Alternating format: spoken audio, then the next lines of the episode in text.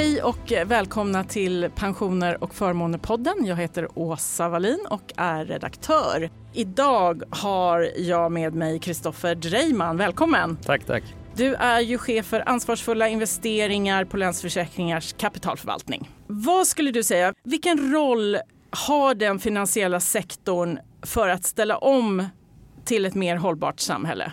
Den finansiella sektorn och näringslivet i stort har en otroligt viktig roll i den omställningen som vi behöver se. Vi skulle jag säga är en av de aktörerna som på riktigt är långsiktiga. Vi har pensionsåtaganden 30, 40, 50 år framåt i tiden. Det är vår horisont för de beslut vi fattar nu och för det påverkansarbete vi bedriver mot bolag i portföljerna eller mot bolag som ska möjligtvis komma in i portföljerna. Det handlar ju om att på pensionsdagen ska våra kunder känna att de har en tillräckligt hög pension, ett tryggt samhälle att leva i och en frisk miljö att ja, leva sitt liv i. Så därför menar jag att finanssektorn och näringslivet i stort har en väldigt viktig roll i den här omställningen.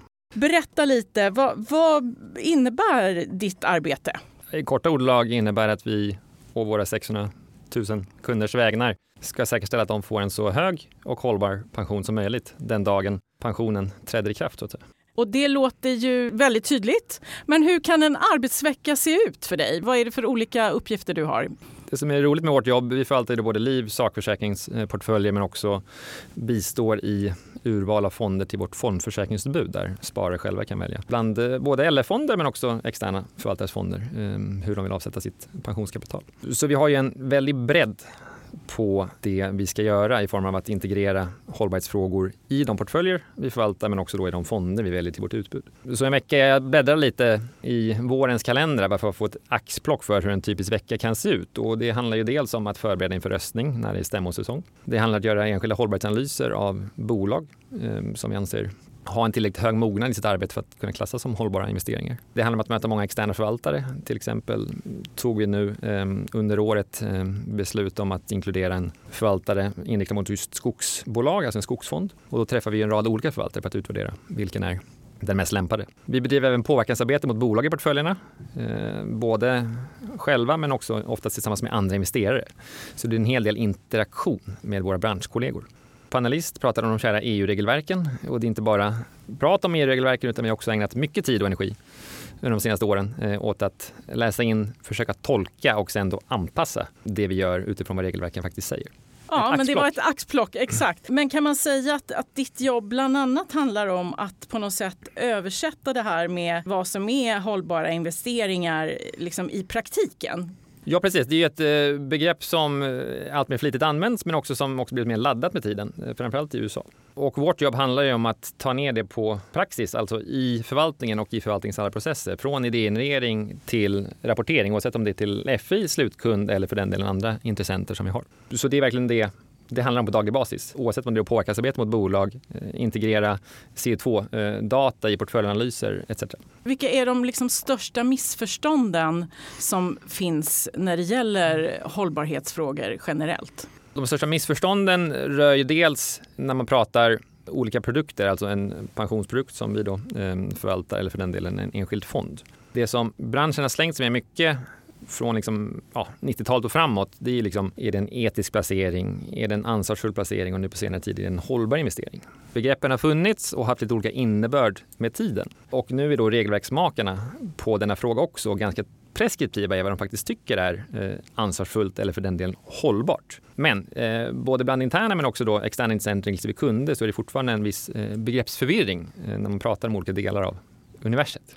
Tycker du att regelverket är till hjälp där för till exempel kunder? Jo, men regelverket, och det finns ju då en rad olika regelverk. Eh, vi ska inte kanske gå in på djupet på alla, för då måste vi ha en betydligt längre podd än vad vi har avsatt tid för. Men om vi tar då den så kallade disclosure-förordningen, SFDR. Det är då en, en ny förordning som nu trädde i kraft eh, för ett tag sedan. Som är mycket inriktad på transparens och upplysning mot slutkonsument. Så att du jämte att jämföra en, en fonds eller pensionsbolags produkts finansiella nyckeltal också kunna jämföra dess hållbarhetsrelaterade nyckeltal så att det blir ett 1 i 1 förhållande. Vad har liksom LF Liv för CO2-tryck på den livprodukt man erbjuder versus Skandia, AMF etc.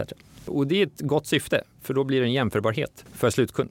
Problemet är att EU har bakat in väldigt många så kallade ESG-indikatorer eller för den hållbarhetsindikatorer i det här regelverket. Så det är väldigt många träd, träd i form av, ja, metaforiskt, att man inte riskerar att se skogen för alla träd. Det blir så mycket information att ta till sig. Ja, man har ju då eh, sagt att alla finansmarknadsaktörer ska kategorisera sina produkter utifrån beaktar de hållbarhet, har de för avsikt att främja miljö eller sociala egenskaper eller har de hållbara investeringar som mål? Och det är då artikel 6, 8 och 9 eller för den delen mörkgröna, ljusgröna eller gråa fonder. Över 90 procent av alla produkter som säljs i Sverige är kategoriserade som antingen åttor eller nior, vilket då är avsevärt högre än något annat EU-land. Jag tror om det är Belgien och Holland som ligger på drygt 50 procent. Så det är ju ändå väldigt positivt.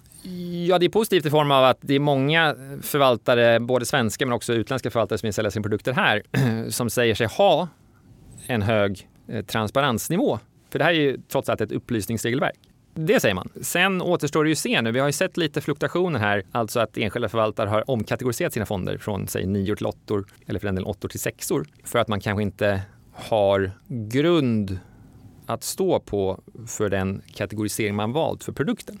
Alltså det kan vara att man saknar underlag eller bedömer att, som då artikel 8-fonder är, främja miljö och sociala egenskaper, att man har utmaning att göra det på en hel produkt. Men det som har då fått fotfäste är just den här kategoriseringen. Alltså är det en 8 eller 9 eller en 6? Det har ändå fått fotfäste skulle jag säga, i kundledet. Mm. Och är, det, är det bra eller dåligt? Problemet är att du har en otrolig koncentration av produkter i den här 8-kategorin. Så den har blivit väldigt säga, bred och innehåller allt från liksom rena indexfonder som tillämpar några exkluderingar, alltså ta bort till exempel vissa fossila bolag, till enskilda produkter som har, vad vi då menar, mycket mer sofistikerade tillämpning av olika ansvarsfulla investeringsstrategier, alltså både välja bort men också välja in och påverka bolag. Så du har liksom en, en samling av många produkter i en kategori, vilket jag tror inte var syftet ursprungligen från EUs sida. Mm. Ser du några andra utmaningar med eh, regelverket? Förutom då att det är mycket fakta och de här kategoriseringarna, ser du några andra utmaningar? Ja, framförallt för oss som kapitalägare. Vi har inte bara bolag i portföljen utan vi har också kommuner, Eh, regioner, landsting, så kallade supernationals, till exempel Europeiska investeringsbanken, och statsobligationer. Och dessutom investerar vi globalt. De regelverk vi har pratat om hittills är ju framförallt fokuserade på EU, alltså bolag i EU eller EU-institutioner. Så det blir en viss diskrepans då mellan vilket underlag, alltså vilken typ av ESG-dataunderlag vi får från bolag inom unionen versus från andra investeringar utanför Europa.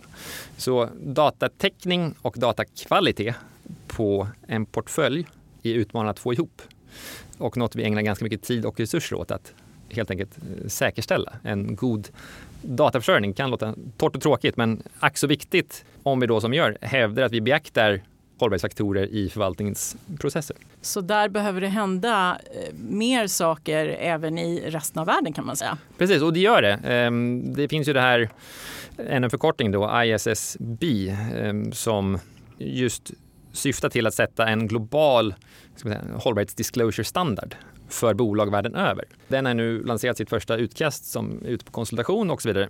Så det är ett gott första steg att försöka harmonisera transparensen bolag emellan globalt sett. Vi dök eh, direkt in här i, i det här med reglering. Och som du det är sa, svårt att undvika det, de här tiderna. Det, eller hur? Det är svårt att undvika och det är också något man kan, man kan prata väldigt, väldigt mycket om. Som vi alla vet så var det ju Ryssland invaderade ju Ukraina här. Den här förändrade synen på försvarsindustrin, vad har det inneburit? Ett uppvaknande för branschen totalt sett. Ansvarsfulla investeringar som vi inledde med på 80 och framförallt 90-talet mm. grundade sig mycket i liksom en etik och värderingsstyrd diskurs. Mm. Mm. Vad som var liksom gott och inte gott och nästan idealistiskt. Mm. Man får säga 24 februari förra året när Ryssland invaderade eh, Ukraina tragiskt nog så sattes de ska man, ställningstaganden och arbetssätt på sin spets. Mm. Vår utgångspunkt har hela tiden varit att FN-stadgan ger varje land rätt till självförsvar i händelse av väpnat angrepp. Således tillåter vi, men också många av våra branschkollegor, en försvarsindustri och att då kunna investera eller finansiera bolag verksamma inom försvar eller för den delen försvarsmateriel och den typen av utrustning. Mm. Och flera aktörer har nu svängt i frågan från att tidigare då exkludera all form av försvarsmateriel till att nu tillåta åtminstone bolag inriktade mot eh, produkter som syftar till att försvara landet. Om man tar ett steg tillbaks därutöver, just försvarsindustrin, så det skeendet har också ställt sin spets på när vi just pratar om ansvarsfulla investeringar. vad lägger vi in i det begreppet? Just att värna folkrätten, mänskliga rättigheter och vårt sätt att leva är väl ytterst ett viktigt ansvarstagande vi har och där vi kan bidra som investerare. Och jag tycker den har kommit tillbaka lite och fått en ny tyngd. För mycket jag tidigare pratat om, ja, men, vad är en hållbar investering? Jo, men vi har liksom ett, ett lösningsbolag som gör värmepumpar eller det är någon som gör solceller. Så mycket mm. har fokuserat på den typen av eh, ett liksom krasst som ekonomiskt... bidrar till klimatomställningen Precis. och kanske nya uppfinningar och så vidare. Ja. Medan de här fundamentala aspekterna som vi nu pratar om, liksom, kunna skydda vårt lands gränser, vår befolkning, vårt sätt att leva, vår demokrati, mm. har kommit lite i skymundan för det har varit liksom givet, eh, men har nu återaktualiserats. Vilket, mm. ja, kriget i sig är jätteolyckligt och tragiskt. Men frågan oavsett om det är försvar eh, eller för den delen andra former av energiförsörjning, har ju återaktualiserats ur ett annat perspektiv. Förutom krig i Europa så har vi ju nu också en lågkonjunktur. Har det inneburit att spararna är mindre intresserade av eh, hållbarhet? Inte som vi har sett. Tittar man då liksom vad sparares prioriteringar är i, i val, oavsett om det är liksom månatligt fondsparande eller pensionssparande, så man tittar liksom på riskprofil, avkastning, avgifter och sen tredje, fjärde plats kommer liksom en enskild produkts hållbarhetsinriktning eller hållbarhetsprofil. Vi märker inte nämnvärt av att den efterfrågan varken upp eller ner har ändrats. Det vi ser är ju enskilda kundgrupper. Det är framförallt yngre och kvinnor i högre utsträckning som, i alla fall om man tittar på statistiken eh, och vart medel tar vägen, alltså sparmedel, eh, så är det de grupperna, alltså yngre och kvinnor, som tenderar att placera sina pengar i produkter som vi bedömer då har en högre hållbarhetsprofil. Vad beror det på? Ja, men det är väl delvis en, en generationsfråga. Jag själv, när det handlade om karriärval för ja, några år sedan när det begav sig, handlade det mycket om liksom, ett syfte med jobbet utöver att enbart tjäna pengar. Att kunna bidra till en utveckling som är bättre än den vi har. Och det kan man göra på olika sätt. Jag valde finansbranschen eftersom vi som sitter på kapital kan allokera till bättre placeringar, både ur avkastnings men också då miljö eller social eh, hänsyn versus mindre bra investeringar ur de eh, perspektiven. Så jag tror det ligger väl lite i 80-talistgenerationens tidevarv mm. att tänka utanför enbart ekonomiskt värdeskapande i ditt dagliga jobb, känner du att, eh, att du liksom eh, kan bidra till det här syftet som du hade när du gick in i, i det här? Jo, det tycker jag. Som vi pratade om inledningsvis, eh, också under förra veckan. Ehm, en del av våra portföljer är ju allokerade till vad vi då kallar hållbara obligationer. Mm. Framförallt då obligationer utgivna av så kallade supernationals, kommuner och regioner. Ungefär 20% av våra portföljers kapital är investerade i den typen av instrument. Och det fiffiga med dem är att vi på förhand, när vi fattar investeringsbeslutet, vet vilken typ av miljömässiga eller sociala projekt pengar kommer avsättas till. Vattenrening, det kan också vara spannmålslager i Ukraina, det kan vara sjukhusbäddar under covid, eh, utbyggnad av förnyelsebar energi.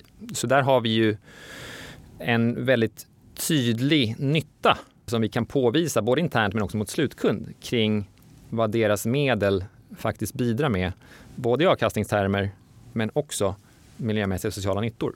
Så det skulle jag verkligen vilja trycka på att den typen av instrument som vi har i portföljerna och ganska mycket av genererar hållbarhetseffekter som är mätbara både för oss eh, och på ett personligt plan likväl som att vi kan ta det vidare till kund. Så det gör att det blir väldigt konkret både för, för, för dig och för alla som jobbar på Länsförsäkringar och för kunderna också förhoppningsvis. Ja, man ska komma ihåg att det här är liksom i primärmarknaden, liksom det är nya pengar som går till de här emittenterna. Mm. På aktiemarknaden är ju mångt och mycket en sekundärmarknad där liksom man byter ja, eh, aktier med varandra, ägare emellan. Men ja. just i obligationsmarknaden, det, det som är det fascinerande som kanske inte pratas om så mycket är just att här eh, fördelar vi då nya medel till projekt som på förhand ska ha en tydlig miljö eller social nytta. Är det något av de här projekten du skulle vilja lyfta, lyfta upp eller lyfta fram? Ja, men om man tittar på senaste tiden utveckling, framförallt eh, nu under sommaren här, eller ja, större delen av året, med den här typen av extrema väderhändelser. Om vi pratar Hans, eh, Hans eh, eller skogsbränderna i Kanada eller de här plötsliga väldigt intensiva skyfallen nu i Grekland eh, senaste månaden. För att bara ge några exempel. Just klimatanpassningen av samhället där avsätts det ju alldeles för lite medel. Desto längre vi väntar eller skjuter de här investeringarna på framtiden, desto mer kommer det kosta. Så en av de eh, ja, investeringar som vi tycker är värda att lyfta fram just i det här sammanhanget, det är ju den från Vellinge kommun nere i Skåne som från tid till annan drabbas av översvämningar, framförallt Falsterbo Nästedts kanör där. Mm. Och nu har man då efter en lång, lång domstolsprocess fått tillåtelse att faktiskt bygga då en, en skyddsvall mot de här prognostiserade havsnivåhöjningarna på upp till tre meter. Och delar av det bygget som nu förhoppningsvis drar igång i höst kommer då finansieras av Vellinge kommuns gröna obligationer som vi delvis är investerade i. Det är ju väldigt konkret och man kan också se effekterna, tänker jag, ja. väldigt eh, relativt snart egentligen. Ja, de ska sätta spaden i marken här i höst nu så man kan åka ner och göra ett platsbesök. kolla, kolla, kolla in helt enkelt. Ja. Sen tänkte jag fråga om det, olika bolag gör ju hållbarhetsrankingar mm. som man ju tänker ja, men det här är ju en hjälp för, för slutkunden. Eh, vad, vad, tycker du om de här rankingarna? Kan man, kan man lita på dem? Ja, men jag vill börja med att säga att precis som andra branscher ska ju vi såklart tålas att granskas och rankas. Så, vill med säga det. Eh, det som har blivit lite av utmaningen med de här rankingarna, det är ju att vissa har sett som normerande för vad som är bra respektive dålig praxis när det gäller ansvarsfulla investeringar. Om vi går tillbaka till diskussionen vi hade tidigare just om försvarssektorn och exkludering som strategi. Bara för något år sedan så fick du liksom högre poäng i de här rankingarna för att du tillämpade den praxisen, alltså du exkluderade en viss sektor. Metodiken och poängsättningen skulle säkert se annorlunda ut idag. Så det är det vi har sett som en risk, att vissa av de här granskningarna har liksom haft en normerande effekt. I sammanhanget får man då säga att det är bra att det är fler aktörer som gör de här granskningarna, för alla har ju sina metoder och synsätt. Och då blir det en mångfacetterad bild av rankingen som görs. Sen kan man då säga om vi pratar om regleringar eh, framöver, oavsett om det är disclosure-förordningen, taxonomiförordningen, CSRD eller ja, tre, fyra andra regelverk som är på gång in, så kan man säga att de kommer sannolikt ta över delar av den roll och ansvar granskningarna haft. Eftersom det kommer mycket lättare för slutkund att titta på en finansiell produkt, dess upplysningar och jämföra. Men LFs taxonomiförenlighet, alltså då, ja, vad EU då anser vara hållbara intäkter, är liksom x procent för den här produkten hos LF och y procent på den här produkten hos Skandia. Då kan man själv fatta ett mer informerat beslut som kund. Det har ju varit svårt tidigare eftersom alla inom branschen har ju själva fått utveckla nyckeltal som man sen presenterat för slutkund och det har varit svårt för slutkunden att jämföra där är du ändå väldigt hoppfull att det kommer i och med den här utökade regleringen så kommer det också bli enklare för slutkunden och det kommer ja, bli mycket lättare att jämföra bolagen. Ja, framförallt för de slutkunder som vill. Mm. Det finns en otrolig datamängd där ute. Alltså det har aldrig funnits en större ESG-datamängd från institutionella investerare till slutkunder än vad det finns nu och det kommer komma ännu mer. Mm. Så för den som verkligen vill borra ner i enskilda produkters hållbarhetsprofil så finns det mycket underlag att titta på. Ja, men det låter bra. Det låter bra. Vilket område annars ser du utrymme för förbättringar när det gäller Länsförsäkringar men också andra, andra bolag? Pensionsbolag? Ja, vi har kommit in på det lite, men just transparens och ärlighet i transparens. Exkludering har ju varit en dominerande strategi här i Norden och sällan har man pratat om eventuella kostnader av att exkludera. Mm. Tar vi olje och gasbolag förra året, de gick som tåget. De flesta svenska institutioner, inte bara LF, har exkluderingskriterier som antingen helt eller delvis tar bort exponering mot energisektorn och energisektorn idag är väldigt fossiltung, alltså olja, gas, kol. Mm, mm. Förra året kostade de exkluderingsstrategierna gemene sparare. Det pratar branschen väldigt lite om. Mycket är liksom fokus på integrera hållbarhet i förvaltningen så blir det lite skämtsamt guld och gröna skogar. Mm. Men jag tror det är viktigt att komma ihåg att tar du bort en del av universet så kan det bli en slagighet, alltså en volatilitet som byggs in i produkten. Och tittar man på liksom svenska pensionsbolag och fondbolags kriterier så är det nästan ingen som har en ren exponering mot ursprungsunivers, utan de flesta tillämpar någon form av exkluderingskriterier som kan medföra, jag säger inte bara en kostnad, det kan medföra en överavkastning också, men man måste vara medveten om att det kan medföra en avbränning i avkastning mot ett grundindex. Så det här är något du tänker att till exempel ni och andra bolag skulle kunna vara tydligare med att kommunicera? Ja, både konceptuellt men också oavsett om det är årsbilaga eller vilken typ av kommunikation till kund det är. Liksom under året gav de här ESG-kriterierna det här utfallet i avkastningsdimensioner. Oavsett om det var positivt eller negativt. Mm, mm. En transparens. Precis, en transparens. Mm. Um, så det är det ena. Och det andra är just det här som vi pratade om också inledningsvis, att de här begreppen, ansvarsfulla investeringar, hållbara investeringar, konkretisera dem med, ja, från vår sida då, gärna talande exempel. För annars kan det bli så breda och fluffiga begrepp som inte säger så mycket för slutkunden. Oavsett om vi pratar om en skyddsvall i Vellinge, spannmålsdepåer i Ukraina eller vad det nu är. Försök liksom konkretisera vad de medel som ändå kunderna anförtror oss med bidrar med för nyttor, oavsett finansiella, miljömässiga eller sociala. Om man då också lägger till det här att det faktiskt ju kan finnas en risk för grönmålning också. Ja. Hur lägger man in det i, i det här när man eh, då som, som sparare vill ju förstås undvika dem som bara ägnar sig åt grönmålning. Vad ska man tänka på då tycker du? Ja, och det blir spännande att se nu hur den svenska fondbranschen kommer att utvecklas framöver i och med att över 90 procent av utbudet är åttor och nior, alltså utifrån då SFDRs kategorisering ljusgrön mörkgrön. Medan då snittet i Europa ligger bra mycket lägre. Så frågan är då hur tolkningen av regelverket sett ut i Sverige versus andra europeiska länder. Så bara där kan, och det har vi redan sett, att vissa aktörer redan omkategoriserat sina produkter med just, i syfte att undvika en, en greenwashing-diskussion. Och Finansinspektionen håller ju också på med en granskning där av, av fondbolag. Precis, och sen framöver kommer också ett annat EU-direktiv där man då säger att om det visar sig att du har gjort liksom, gröna claims eh, men som inte är sanningsenliga så kan du då i, få eh, böter motsvarande 4% av omsättningen. Så det kommer också kännas mer finansiellt framöver för bolag som ja, säger att de gör en viss sak men inte har underlag som bygger det påståendet helt enkelt. Vad eh, tycker du är roligast i ditt jobb? Jag skrev det inledningsvis här, det, det roligaste är ju alla interaktioner vi har med både internintressenter, portföljbolag, emittenter inom ja, kommuner, regioner, landsting ska jag säga också. Likväl som LF är ju ett ömsesidigt ägt bolag. Eh, vi har ungefär halva Sveriges vuxna befolkning som kunder på något sätt, oavsett om pensionskund eller sakförsäkringskund. Så det är ett stort engagemang inom bolaget och bland kunderna kring de frågorna vi pratar om. Och mycket hittills har ju varit fokuserat på liksom klimatfrågan. Men mm. givet samhällsutvecklingen så lyfts ju också vad man kan säga det andra benet just med trygghet lokalt. Det blir ju en allt viktigare fråga för våra kunder givet tyvärr då den våldsutveckling vi har i, i Sverige. Mm. Men också... Är det någonting ni har märkt av? Har ni fått mer frågor kring det här eller är det mer utifrån den utveckling som har varit? Ja, och det som vi diskuterar både internt men också med branschkollegor är hur kan vi och i vilken utsträckning bidra till att stävja den utveckling vi ser. Mm. Alltså vi mm. Pensionsbolag sitter på väldigt mycket kapital. Mm. Eh, och vi gör ju delvis så kallade sociala obligationsinvesteringar också som kanske går till skola, hälsovård och sjukvård och i viss utsträckning också förebyggande insatser. Men vad kan vi göra mer? Mm.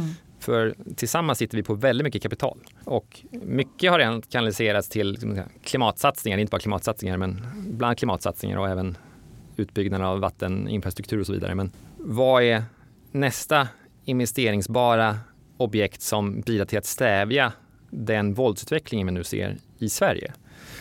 där har vi mycket eh, diskussion och fokus nu. Mm. Och eh, hur viktigt är det att ni går samman med andra pensionsbolag och agerar tillsammans?